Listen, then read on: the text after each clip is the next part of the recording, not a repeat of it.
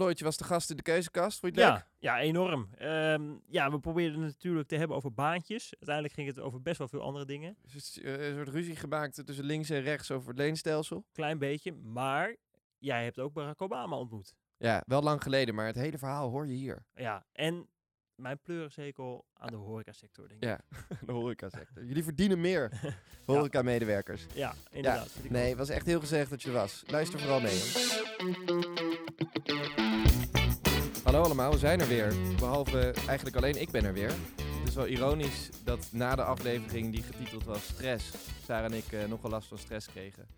Om de tentamens, om mijn scriptie, om al het andere wat in ons leven gaande was. eh, eigenlijk helemaal niet goed geluisterd naar onze eigen tips. Eh, ik ben er inmiddels uit, want mijn scriptie is ingeleverd. En Sarah moet nog even knallen voor de tentamens, dus die is nog niet terug. Maar ik had zoveel zin om hier weer te zitten, dat ik dacht, ik ga maar weer gewoon. En ik heb een gast Ja, uitgenodigd. de- de- zeg maar het huismerk van Sarah, toch? Een beetje de B-variant. Ja, de B-variant van Sarah. Eh, Net eh, wat andere stem, maar ja, heel veel verschil is het allemaal niet. Floyd, jij zit hier aan tafel. Ja, ja zeker. Met, met ook wel enig plezier. Ik bedoel, eh, de een zijn dood is de ander zijn brood, hè? zeggen we dan. Sarah leeft nog hoor, maar... Mooi zo. Hi Sarah. Ehm, ja, we kennen elkaar via Room for Discussion.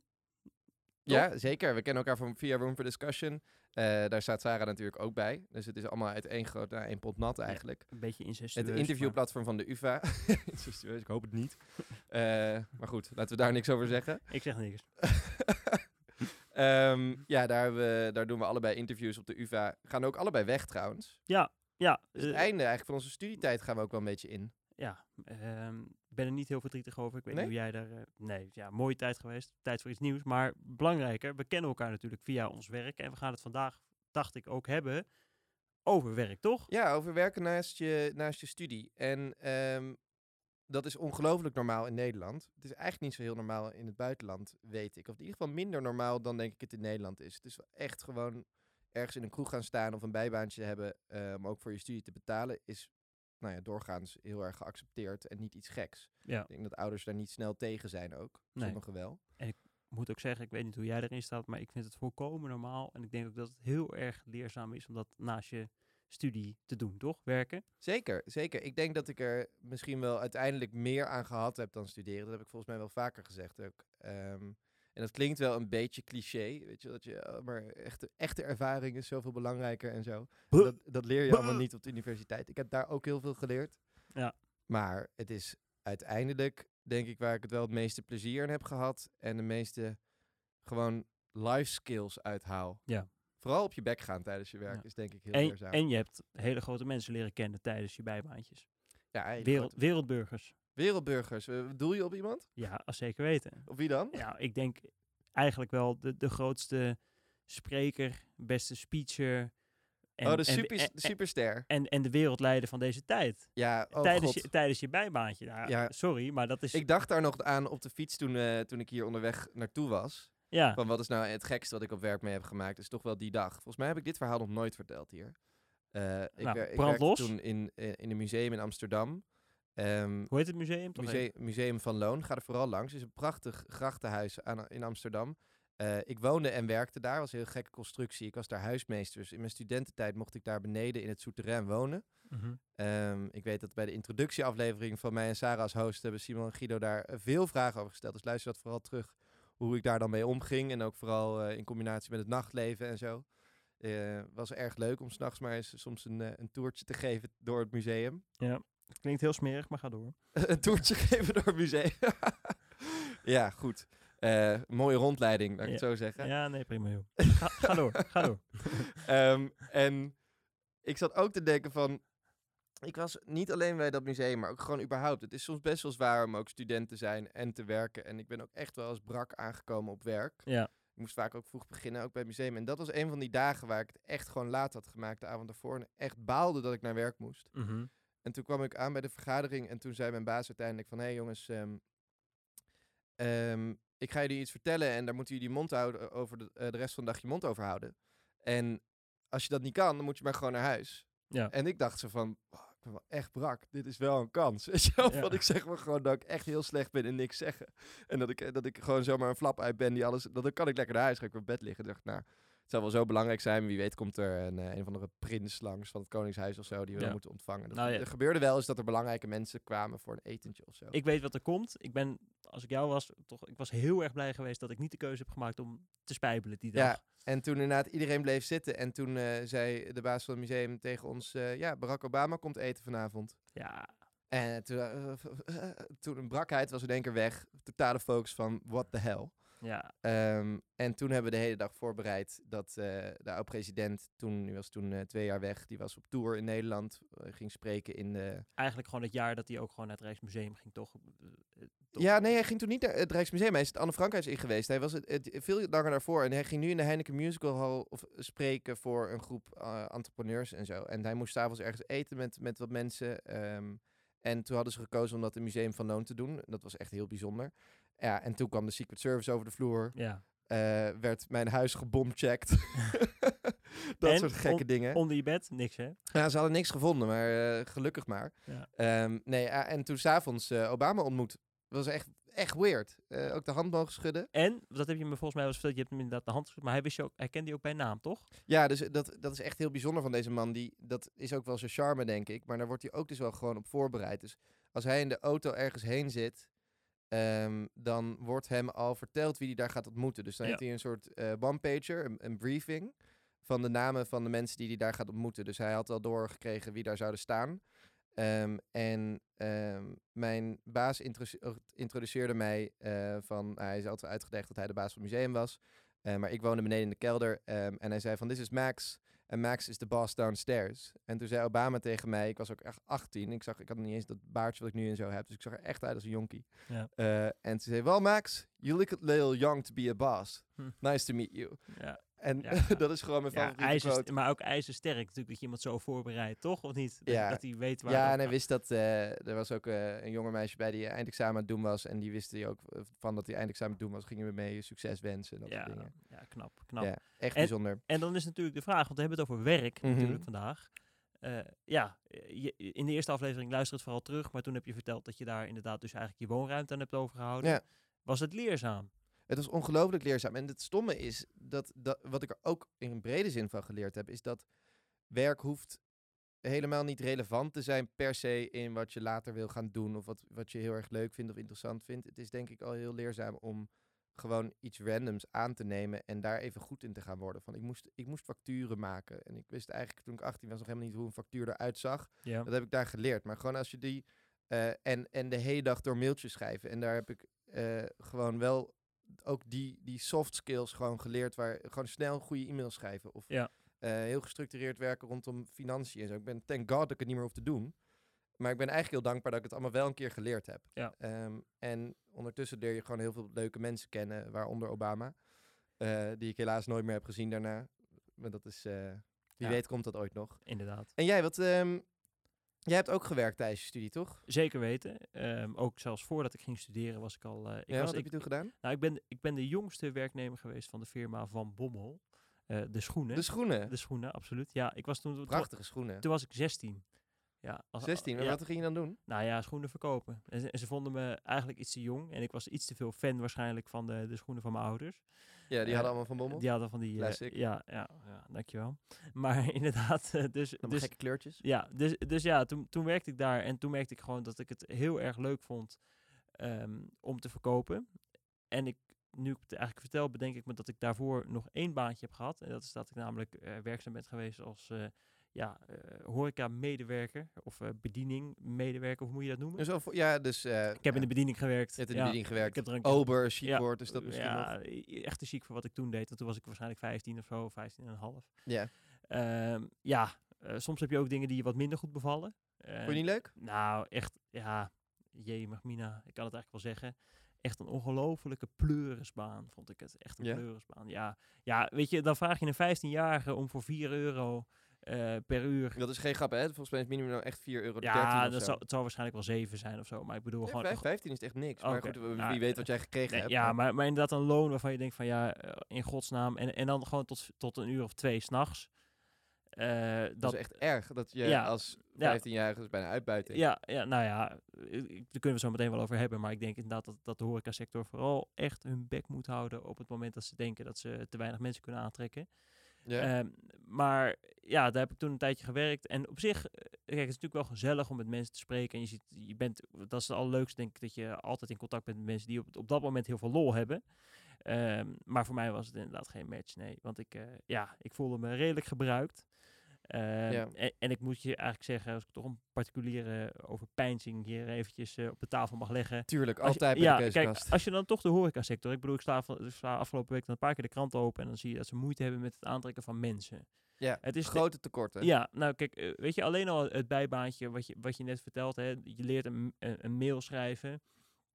Eh, je, leert omgaan, ook bijvoorbeeld met Obama, je leert omgaan met, met belangrijke ontvangsten. Hoe ontvang je een belangrijk persoon? Dat zijn, zijn dingen die toch nou, enigszins relevant zijn, die je altijd kan gebruiken, helemaal mail schrijven in de rest van je leven. Wat leer je in de horeca?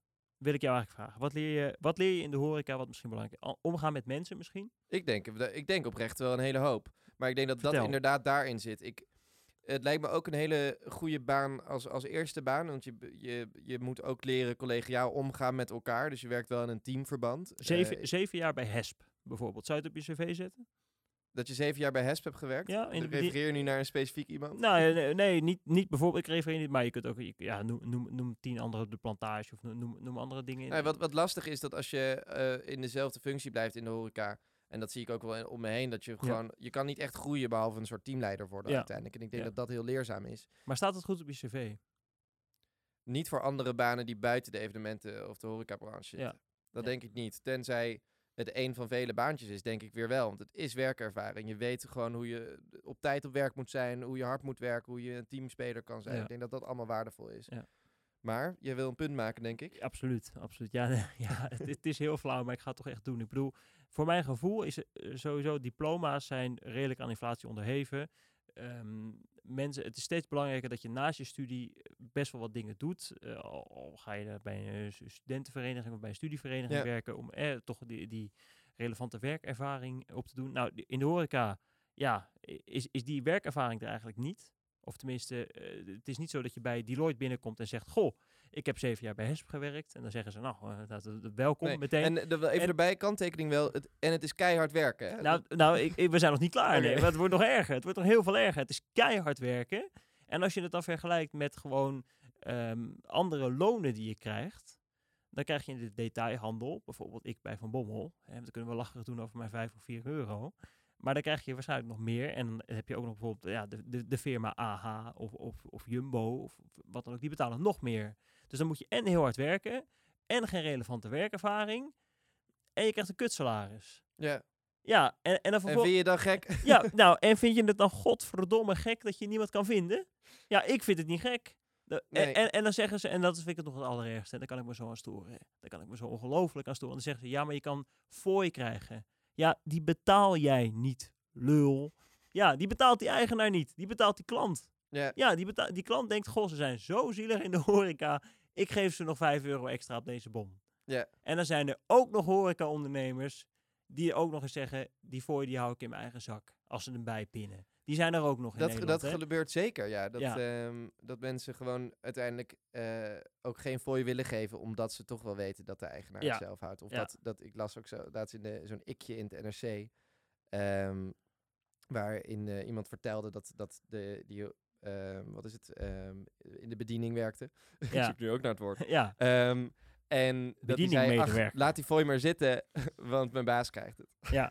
ja, maar dat, dat ja, kan maar beter niet geven. ja, maar die mensen, ja, ik bedoel, eh, kijk, het is natuurlijk heel vervelend. Er zullen ook een heleboel horeca, ik weet niet hoeveel mensen hier, hoeveel ondernemers, hoeveel horeca-ondernemers hier naar luisteren. Ik probeer jullie echt niet, ik bedoel, het ligt waarschijnlijk wel genuanceerd. Ik, ik heb ook een tent, daar zag ik laatst dat mensen een Van Moof kregen en eh 15 euro per uur kregen als ze maar in de, in de bediening kwamen werken.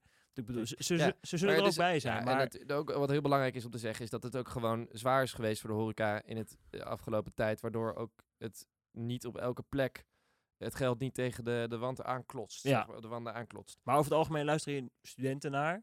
Ja, En we kunnen redelijk georganiseerd zijn. Dus zeggen we zeggen, horeca, krijg allemaal lekker de tering voor onze... meer betalen aan onze Precies, medestudenten. voor- Absoluut. Dus dan moeten we zorgen naar iets, we zoeken naar iets wat, wat leerzaam is, denk ik, voor de mensen die eh, naast hun studie nog iets willen doen, waar ze de rest van hun leven iets aan hebben, maar tegelijkertijd ook een beetje geld aan Ja, verdienen. zeker. Ik denk dat dat en dat, dat denk ik dat we dat wel misschien wel delen met elkaar, is dat wat, wat vaak leuk is, of wat, wat vaak is wat je leuk vindt om te doen of zo, dat, dat verdient niet zo goed. Ja. En waar je wel veel genoeg aan verdient, is best wel saai, of eigenlijk niet wat je wil doen. Ja. Ik, ik heb dat ook echt wel, hey, wat je zegt, gewoon in, de, in een winkel werken bijvoorbeeld, kan je best wel goed mee verdienen, zeker als je veel uren maakt. Ja. Maar ik heb een, eh, een maand voordat ik ging studeren in een eh, Apple reseller gewerkt, zo'n Apple winkel Mhm. in Hilversum. Eh ik was echt de saaiste maand van mijn leven. Ik kon dat echt niet. Eh, totdat ik een soort antropologisch onderzoek ging doen. Er was daar een jongen die was een half jaar daarvoor bekeerd tot christen. Mhm. Die claimde dat toen hij aan het studeren was voor zijn eindexamens... eh, een bijbel uit de hemel was komen vallen in de bibliotheek. Ja. En dat hij toen, toen had gevonden en toen sloeg hij dat open op een bepaalde pagina van bekeert u tot mij of zoiets stond er dan. Ah, ja. En toen was hij overtuigd geraakt. Dus nou, ik, ik dacht echt van, wat is dit? Maar ik heb een geweldige maand gehad, omdat ik de hele tijd met hem moest werken. Dus ik kon hem helemaal ondervragen over wat hij dan Mhm. dacht over dinosauriërs. En zo van, maar echt, maar hij was het meest hardcore christen. In dat, Maar wat dacht, wat dacht hij eigenlijk over dinosaurus? dat was allemaal, eh, die botten bestonden wel echt, maar het was allemaal nog van de afgelopen, wat is het, 5000 jaar geloof ik, denk, staat in de Bijbel dat eh, de wereld nu bestaat. Ark van Noach, zeg maar. Hij was iemand die het letterlijk nam, ook het Oude Testament. Eh, dus ik heb die hele bijbaan alsnog best wel leerzaam ervaren door gewoon eigenlijk te leren interviewen een beetje. Over gewoon zo iemand die zo ver van je af staat dat je echt denkt, ik ben helemaal gek geworden. Ja. Eh, maar ik kon gewoon een beetje met hem praten. Ehm, oh, nog één, één laatste verhaal over die Apple Store. Ik moest dan ook heel vaak mensen helpen met een telefoon die dan niet meer unlockte of er iets, iets kapot aan was of zo. En ik was gewoon best wel handig ook met die iPhones. Ehm, en eh, uiteindelijk kwam er zo'n vrouw met de telefoon van haar zoon naar mij toe. Die was vastgelopen of zoiets. Dus ik weet hem weer te resetten en ook te unlocken, want ze wist wel de code. Eh, en uiteindelijk unlockte die. Ja. En stond er gewoon alleen maar naakte vrouwen nog open. En die moeder stond er ook echt zo naast bij, echt met die telefoon in handen. En ik zei van, nou, hij doet het weer. Zo, ja, ja dat, dat zie ik. Ja, dankjewel. Dag. Die liep er heel snel weg. Ah, dat ging echt aan de lopende band zo. Als je mensen op een iPhone van iemand anders op een laptop moet, je vindt, eh, je vindt de raarste dingen. Ja, maar ja, aan te raden. Maar dat is, laten we heel eerlijk zijn, ook een beetje hypocriet. Ik bedoel, kijk, jij verwijdert waarschijnlijk je bladwijzers voordat je waarschijnlijk hier naartoe komt. Maar ja, hebt- Hier naar de keuzekast toe komen, ja, ik bang ben dat jij mijn telefoon ja, gaat zitten. Maar je hebt natuurlijk net voordat jij hier aan tafel kroop, heb jij nog ook eventjes... De Gadverdamme. Ja, nou ja, ik zeg niks. Wat, dat is eh, allegedly allemaal aantijgingen waar ik niks mee ja, kan. inderdaad. Maar ik, moet ik moet ook nog iets Voor bekennen. de juice-kanalen. Ja, Oké, bekend. Ja, ja ik, moet, ik moet de mensen inderdaad ook nog even bedanken.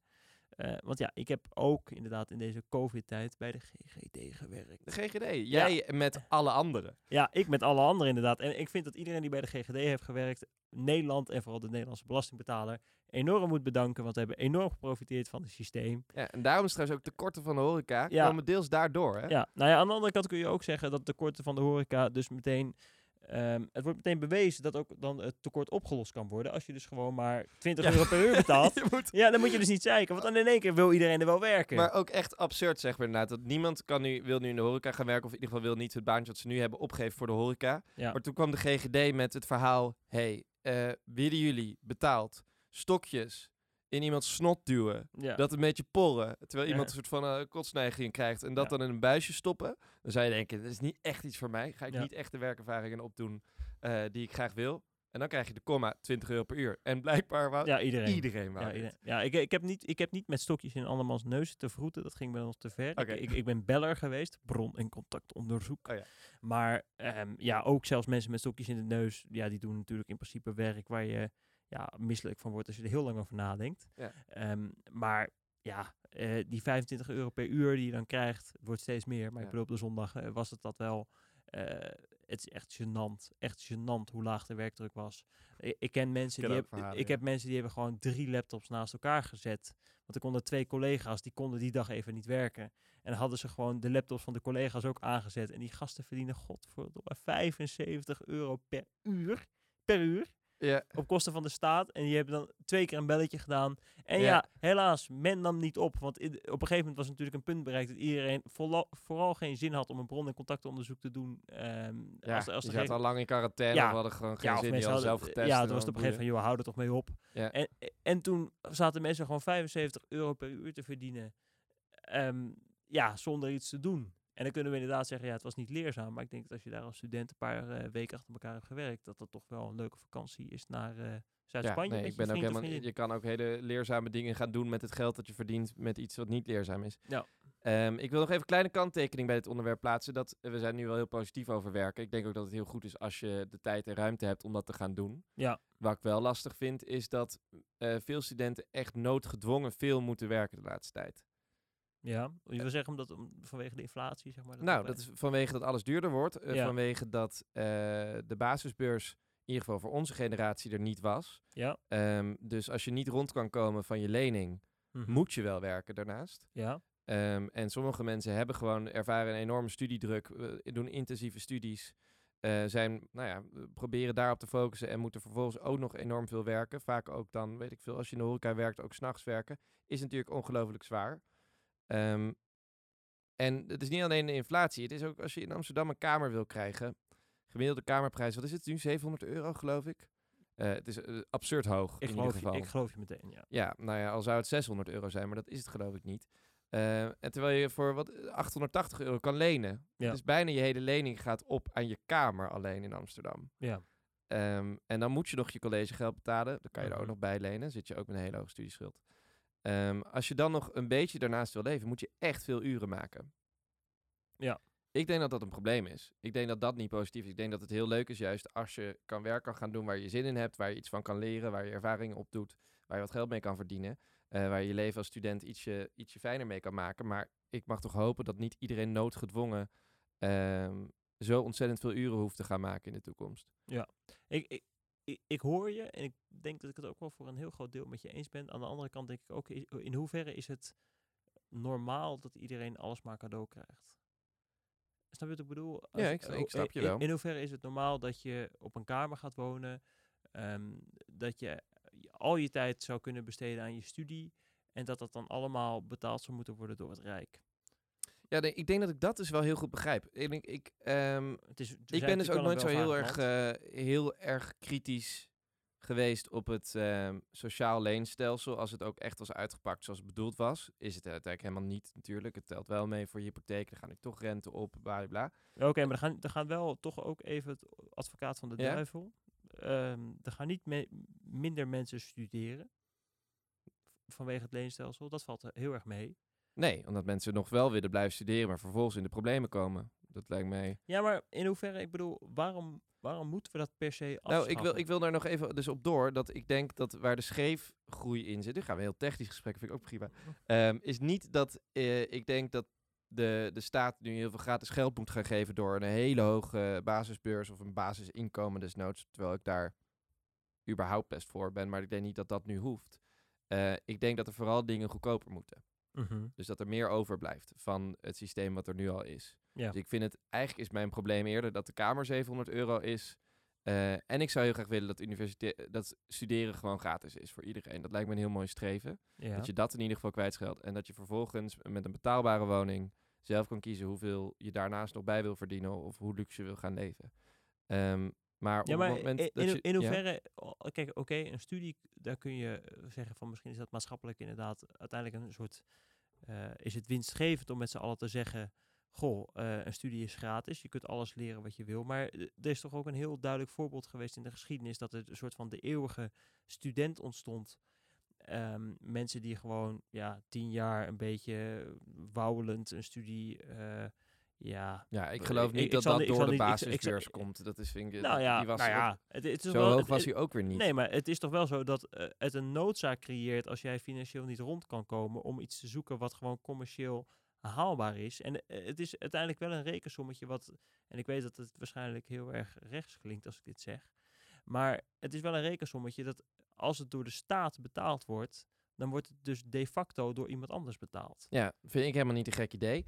Ehm, Ja, dat mag dat je door- maar ik ben dan ook nog, ik wil nog een laatste punt hierover maken. Wat ik, wat ik, ik, ik vind het, ehm, het principe allemaal niet zo gek dat je er zelf voor betaalt, bijvoorbeeld. Of nou, je zou later- ik, dat zou je ik, er- dat vind er- het minder gek dan dat iemand anders ervoor betaalt. Ja, dat, ja. ik vind dat niet heel gek als iemand heel erg veel geld verdient aan iets. ehm, en al helemaal op, op, op vermogen en dergelijke. Maar daar gaan we het eh, ook nu niet deze aflevering op hebben. Maar wat ik wel wil zeggen is dat het uiteindelijk ehm, mensen zijn die zoveel moeten gaan werken, die bijvoorbeeld, bijvoorbeeld geen geld vanuit hun ouders krijgen. Dat, dat, daar, Ja. daar zit mijn probleem heel Ja. erg. Of, en dan heb, het, heb ik het niet over de allerlaagste inkomens, want die krijg, kregen ook onder het sociaal leenstelsel nog een, een beurs. Die was niet hoog, maar die Nee. kreeg je wel. Maar die was volgens mij 550 euro, daar kon je er echt nog best wel wat mee doen. Ja. Maar vooral de lagere middeninkomens, die daar dan net niet eh, hoog genoeg voor zijn, maar vervolgens ouders ook niet willen geven, omdat Ja. zij zelf al krap zitten. En die personen, ehm, die hebben er gewoon echt heel erg last van. En die werken zich uiteindelijk helemaal slag in de ronde om. Ja. En ik vind dat gewoon lastiger. Ik denk dat dat, eh, dat een heel belangrijk verschil is. Dus ook hoeveel krijg je vanuit je ouders en hoeveel noodgedwongen eh, moet je werken. Ik zou iedereen een, eh, een lekker basisinkomen gunnen, maar daar verschillen wij misschien, misschien ik- in. Ja, kijk, het, het, het gunnen natuurlijk absoluut. En ik ben het wel helemaal met je eens dat het toegankelijk moet zijn voor iedereen. En als je ouders daar eh, niet de middelen toe hebben eh, of het niet willen, dat eh, zou ook nog kunnen natuurlijk. Ja, ik denk dat het uiteindelijk voor de hele BV Nederland winstgevend is als mensen gewoon zo hoog opgeleid mogelijk zijn en het, het meeste uit zichzelf kunnen halen. We hebben een enorm welvarend land waar dat ook misschien wel mogelijk zou moeten zijn. Dat ben ik wel met je eens. Alleen ik vind wel een beetje de houding van eh, ja, het is allemaal maar normaal. Het komt me allemaal maar aanwaaien. Ehm, en ik heb hier recht op. Dat vind ik vrij, Ja, wat ook, we- vrij nou, ik, storend wel. ik denk dat we waar we het wel over eens kunnen zijn dan is... ehm, ja, maar ik, laat ik het maar Ja. toch even. Als je, dan zo, als je dan zo idealistisch bent, ja. dan moet je misschien zeggen, als je echt idealistisch bent, dan moet je zeggen, oké, de studie die ik cadeau krijg, zouden we ook kunnen sturen naar de, derde, ne- naar de derde wereld, waar ze er nog veel meer behoefte aan hebben om geld te krijgen. Snap je, als we dan toch mensen geld cadeau gaan krijgen en je bent of gaan geven en je bent idealistisch, stuur het dan daarheen. Ja, eh, dus we gaan nu heel veel Ja, ik sta, nee, maar goed, het is, eh, ik, ik heb politieke filosofie gestudeerd. Ik, Ja. ik ga hier nou eh, ook best wel ver in mee. Ik denk, ik ben ook heel erg voor nog ontzettend veel meer ontwikkelingshulp. Ook daar op gebied. Ik snap je punt wel. Ehm, en ik wou daar eigenlijk iets aan toevoegen wat, wat misschien wel met je eens is. Ik, ik, ik weet even niet meer wie dat nou zei. Het was op Twitter wat ik langs zag komen, maar ik was het er helemaal mee eens dat we nu de hebben. Het heet het over de pechgeneratie. Ja. Ehm, en die maakte een vergelijking, zeg maar, met de generaties voor ons. Eh, en dan ook echt wat langer terug, zeg maar, hoe de stand van zaken 100 jaar geleden was. Ja. En hoe welvarend wij nu in Nederland zijn. En hoe de gemiddelde mens eigenlijk gewoon, nou ja, weet ik veel, geen honger hoeft te lijden. Ja. eh, in ieder geval iets van geld krijgt, gewoon wel overleeft. Kan studeren met een beetje moeite misschien soms. Ja, Ehm, maar dat je bijna het lef hebt om jezelf een pechgeneratie te, te noemen terwijl je in Nederland geboren wordt. Eh, en ontzettend veel kansen krijgt en hebt. Ik vond het wel mooi dat daar ineens... Het is eigenlijk best wel beschamend dat we allemaal onszelf de pechgeneratie student noemen. Terwijl we eigenlijk ook eh, veel van ons in ieder geval heel erg veel mooie kansen krijgen. Ja. Ja. Daar wou ik eigenlijk op eindigen. Leuk dat je er was. ja, nou ja, ik vond het een eer. Ik vond Ja. het een eer. We hebben het, hebben we het gehad over werk eigenlijk? Ja, wel een beetje. Klein beetje, we zijn erover begonnen. Ja, eh, uiteindelijk zijn we een beetje afgedwaald in Ja. hoe we onze samenleving moeten vorm gaan geven. Ja, nou, ik hoop dat mensen de afdaling hebben kunnen volgen. Ik denk het wel. En eh, ja, tot ooit. Hey, dankjewel voor het luisteren. En vergeet ons ook even niet op Instagram te liken. Als je dan liken, is volgen. Ik weet niet zo goed die social media dingen. Ja, Maar je. volg ons op Instagram. Doeg! Hoi.